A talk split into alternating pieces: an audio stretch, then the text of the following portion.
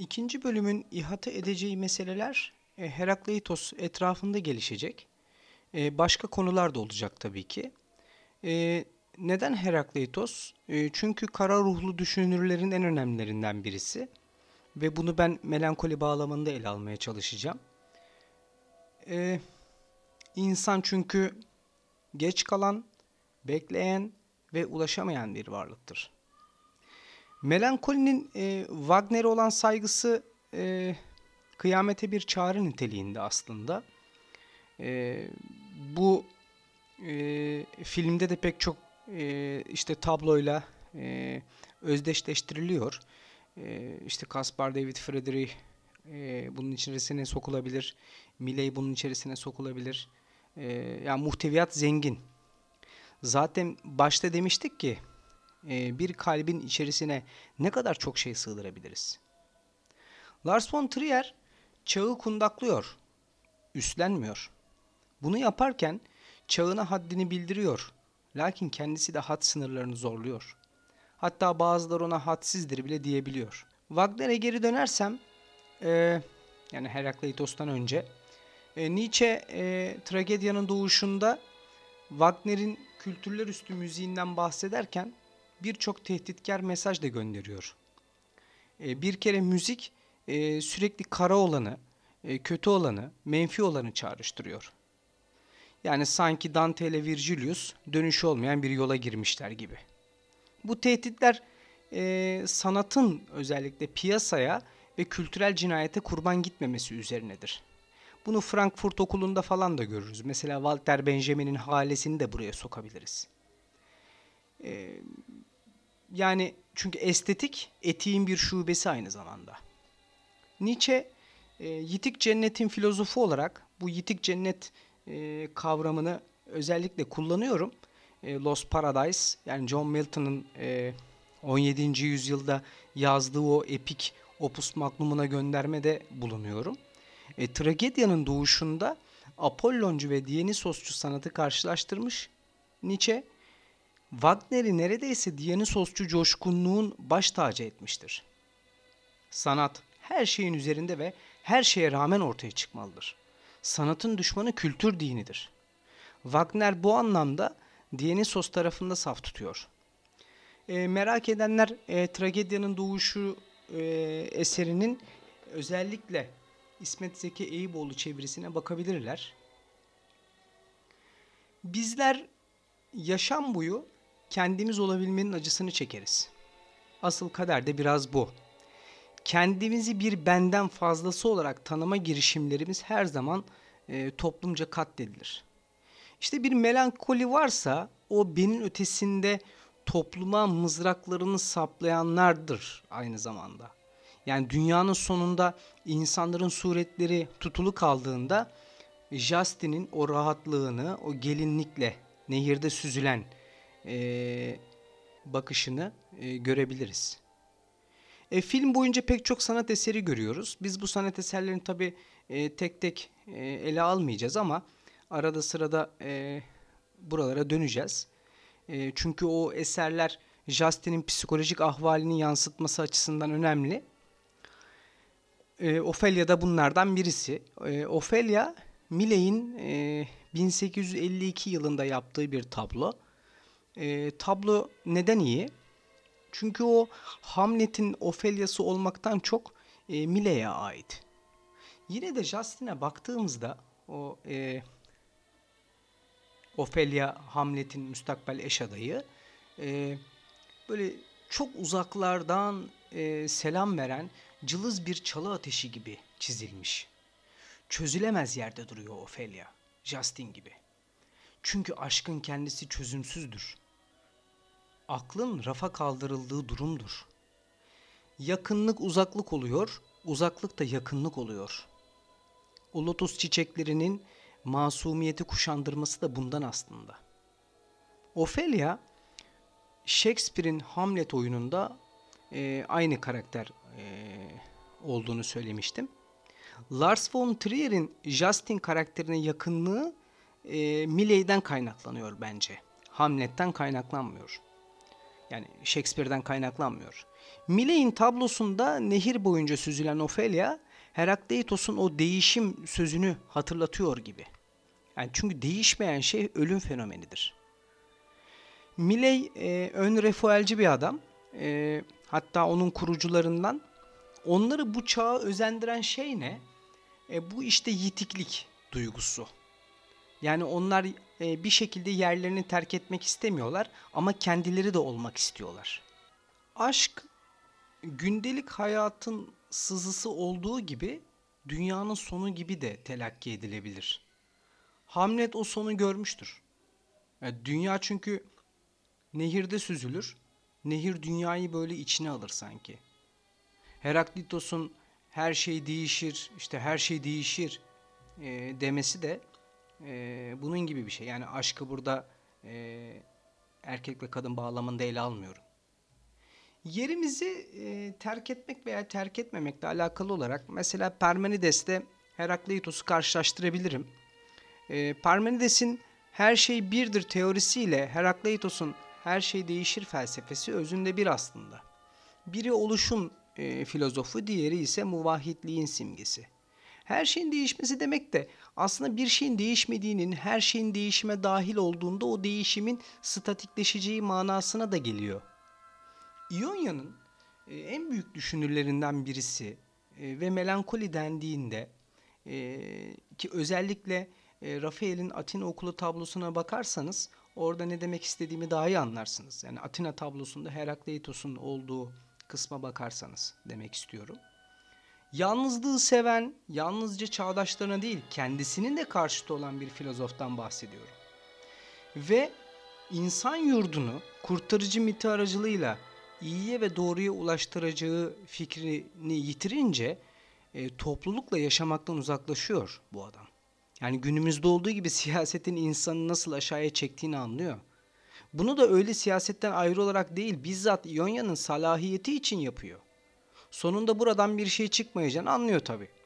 Ruhun ve düşüncenin büyük adamlarından Nietzsche e, eserlerini yazarken Herakleitos'un fragmanlarından yola çıkar. İkisi de insanların yanlışlarının yüzlerine çekinmeden haykıranlardan çünkü. Kırıp dökmeden konuşamazlar. Herakleitos bu zamana kadar duyulmamış bir düşünce sistemi önermişti. Bu her şeye hükmeden tek bir tanrısal e, dünya yasasıydı. Yani logos da diyebiliriz. E, logosu e, tabii ki söz, düşünce, anlam ve akıl olarak e, ele alıyorum. Bu yasaya o sezgiyle yani intuition ile e, tıpkı Empedokles gibi derinliklere, derinlere inerek e, felsefe yapıyordu. Kutuplu karşıtlıklar hiç sona ermeyen hareketle ve kesretle bir olana varıyordu. Buna ayrılıklı birlik de denilebilir. Tüm bu hareketi satrançta oynanan taşların hareketinde, savaştaki taarruz ve geri çekilmelerde, bir ırmağın akış yönlerinde bulabiliriz. Bütün bu karşıtlıklar ikiliklerine rağmen bir ve aynıydı. Hatta Schiller e, bir keresinde şöyle demiş. Her şey sonsuz olarak dönüp değişse bile durgun bir ruh yerindedir bu değişimde. Logos madde ve manadır. Ateştir, akıştır. Su ve topraktır zaten. Bu zıtlıkları, e, bu zıtlıklardan kaim olan birliği e, Goethe'de de görebiliriz. Goethe'nin ta genç Werther'in acılarından e, Faust'una kadar e, bu Herakleitos karamsarlığını e, gözlemleyebiliyoruz. Nietzsche'nin de e, böyle dedi Zerdüşt'ü sanki Herakleitos böyle dedi gibidir. Birbirine zıt görünen şeyler varlığın özüne, varoluş hakikatine has özelliklerdir. Irmağı terk edebilirsiniz. Ama ırmakta pek çok kez yıkanırken şunu unutmamak gerekir. Suyun değiştiğini içimize çektiğimiz derin nefesten tanımamız gerekir. Hakikatle gerçekliği birbirinden e, ayırmak gerekiyor. Yani bunu Platoncu sahiplerle söylemiyorum. Herakleitos'un ateşi nereden olursa olsun, isterse İran'dan devşirme olsun, isterse ruh ve tanrı ile hemhal olsun, e, külleri üstünde dans eden insan e, hesap vermeye yanaşmaz hiçbir zaman. ama son dünyaya gelecek. E, bu son elzemdir. Böylece insanlar yeniden başlayabilecekler. Herakleitos'ta her şey hareket halinde. E, bu devilim sancılı tabi. Burada olağanlığı olağan dışı olarak ele alabiliyoruz. Bu misalleri pek çok eserde de zaten uzun uzadıya okuyabiliriz. Herakleitos'un özellikle akış ve diyalektik öğretisi sinemaya kadar etkisini sürdürüyor. Bunu Bazin falan çok örnek verdi. Buralara girmeyeceğim. Fragmanları çok dağınıktır. E, onlarda bir bütünlük aramak e, çok zor. Ateşin özellikle enerjiye gönderme yapması olası. Ateş olan bu enerji Tanrı ve insanın özünü oluşturduğu şey mi? E, bunu bilmiyorum. En önemli düşüncelerin e, düşüncelerinden olan e, işte Tanrı gündür ve gecedir, kış ve yazdır, savaş ve barıştır, tokluk ve açlıktır sözü bu kaotik yapı içerisinde bize biraz fikir verebilir. Harmoniyi oluşturan bu kaotik yapıdır zaten. Çünkü onun felsefesinde iyilik ve kötülük aynı şey. Aynıdır çünkü olması gereken olduğu için böyledir. Herakleitos'un felsefesi e, bize göre e, Ransford Trier'in filmlerinde e, bu şeyi bir, bir kenara bırakıyorum. Yani dişi İsa meselesini veya e, diğer dini meseleleri bir kenara atıyorum. Ana merkez olarak duruyor. Bu düşünceler zamanın ötesinde düşünceler tabii o zaman için. E, Nietzsche ve Hölderlin de mesela e, bu ruhları feveran olmuş şair ve filozof da e, buradan beslenmiştir. Herakleitos'un tedrici felsefesi ayrıksı olmanın bir isyanı aslında ki ayrıksı olmayı birinci bölümde biraz e, ele almıştık. E, Kojin Karatani'nin e, İonya ve Atina karşılaştırmasına e, baktığımızda Herakleitos'un başlığını, yan başlığını kitlelere karşı yan başlığıyla ele aldığını görüyoruz. Bu çok ilginç bir şey. Çünkü Herakleitos ortalama bir düşünürden fazlasını vaat eder. Lars von Trier'i eserleriyle birlikte kendisiyle de bağdaştırabileceğimiz büyük enginliklerden birisi kendisi. Eski Yunan suyun yatağını aradığı bir ünvan zaten. Burada bir ara fasıl olarak izonomiden bahsetmek istiyorum. Ee, izonomi Karatani'nin eserlerinde Atina ve İonya üzerinden karşılaştırmalarla anlatılır. Karatani İonya'yı özgürlükçü köklerin geliştiği bir merkez olarak tanıtır. Demokrasi İonya'da yok aslında. Olmasını gerektirecek bir şey de yok. İonya'da izonomi var der. O hükmetmenin olmaması. Demokrasi ve izonomi e, çoğu filozof ve tarihçinin eş anlamda kullandığı iki kavram olsa da Karatani bunu ayırıyor. Hatta Karatani bunu kendisinden önce ayıran e, tek kişinin Hannah Arendt olduğunu söyler. Açıkçası biz e, Lars von Trier'in Dogville üzerinden yaptığı demokrasi eleştirisini izonomiya ve anarko-kapitalizm açısından tekrar değerlendirilmesi gerektiğini düşünüyoruz. Demokrasi çoğunluğun hükümranlığı olarak izonomiyi savunanları terbiye etmek için bulunmuştur. Çünkü burada büyük bir oyun oynanmış e, gördüğümüz kadarıyla.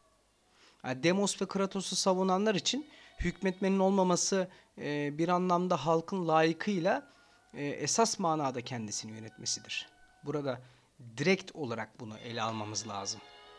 Bu yüzden yani laf olsun diye değil yani çoğunluğun hükmetmesi falan. Bunlar şu anda biliyorsunuz laf olarak söyleniyor sadece. Çoğu düşünür için iki kavram birlikte kullanılmış. E, vicdanlarının e, olduğunu farkında e, olanlara oynanan bu oyunun e, adını e, demokrasi koymuşlar. Mesela Hannah Arendt e, eşitliği e, Takvil'in sezgilerine takılıp çoğu zaman özgürlüğe yedirdiğimizi, bu yüzden onu tehditkar gördüğümüzü ama izonomyanın çağında ikisinin eşdeğer görüldüğünü ifade ediyor. Sokrates'in başını yiyen bu sözde özgürlük. Ama bu sahte özgürlük hep bu imgeyle geliyor. Trier'in filmlerinde ise tam manasıyla boyun eğmeyi görmüyoruz biz. Baş vermenin felsefesini görüyoruz. Dogville ise başlı başına bir demokrasi düşmanlığı. Olmayan özgürlüğü bir nevi özgürlüğün zorbalığını anlatıyor. Eski Yunan'da e, Alkmaion e, izonomyayı sağlıklı olma yani dengeli olma, bir nevi vasat olma hali olarak karşılarken karşıt çiftlerden birinin yok olmasını ise monarşi olarak yani tek başına hakimiyet olarak ele alıyor. Toplum olma ile fert olma üzerine yapılan bu benzetme haliyle e, zihin açıcı. E, birbirine benzeyenlerin arasında ferdiyet ölür. Açıkçası ferdiyet ölürse Karatani'nin anladığı anlamda izonomi de ölür. Ben Durant'ta, e, Will Durant'ın Medeniyetler tarihinde eski Yunan'a ayrılmış bölümde izonominin iki yerde geçtiğini gördüm. E, biri Perikles'in diktasında sınırlandırılmış demokrasinin fasit dairesinden bahsederken, e, diğeri ise Atina demokrasisinin e, oy kullananların niteliklerini sayarken. Ama bunları ders kitaplarında da bulabilirsiniz ki bize fazlası lazım. Herakleitos değişim düşüncesini e, kafalara çakan ilk e, düşünce adamlarından. Öyle bir değişim ki her şeyi e, tekrar geri gelmek için, aslında rücu etmesi için e, melankoli gezegeninin dünyayı süpürmesi gibi süpürmesini istiyor. Zaten Justin eğer burada Herakleitos ile birleşecekse e, yani rahatlığı bundan kaynaklanıyor. Varsın dünya yansın. Dünyanın malzemesi bu tek amacı kara delik diyor zaten. E, burada Karl Popper'ın e, Açık Toplum ve Düşmanlarında e, Herakleitos e, eleştirisine baktığımda e, onu mistisizmle suçladığını görmüştüm. E, çünkü o rasyonalizmin karşısında ya.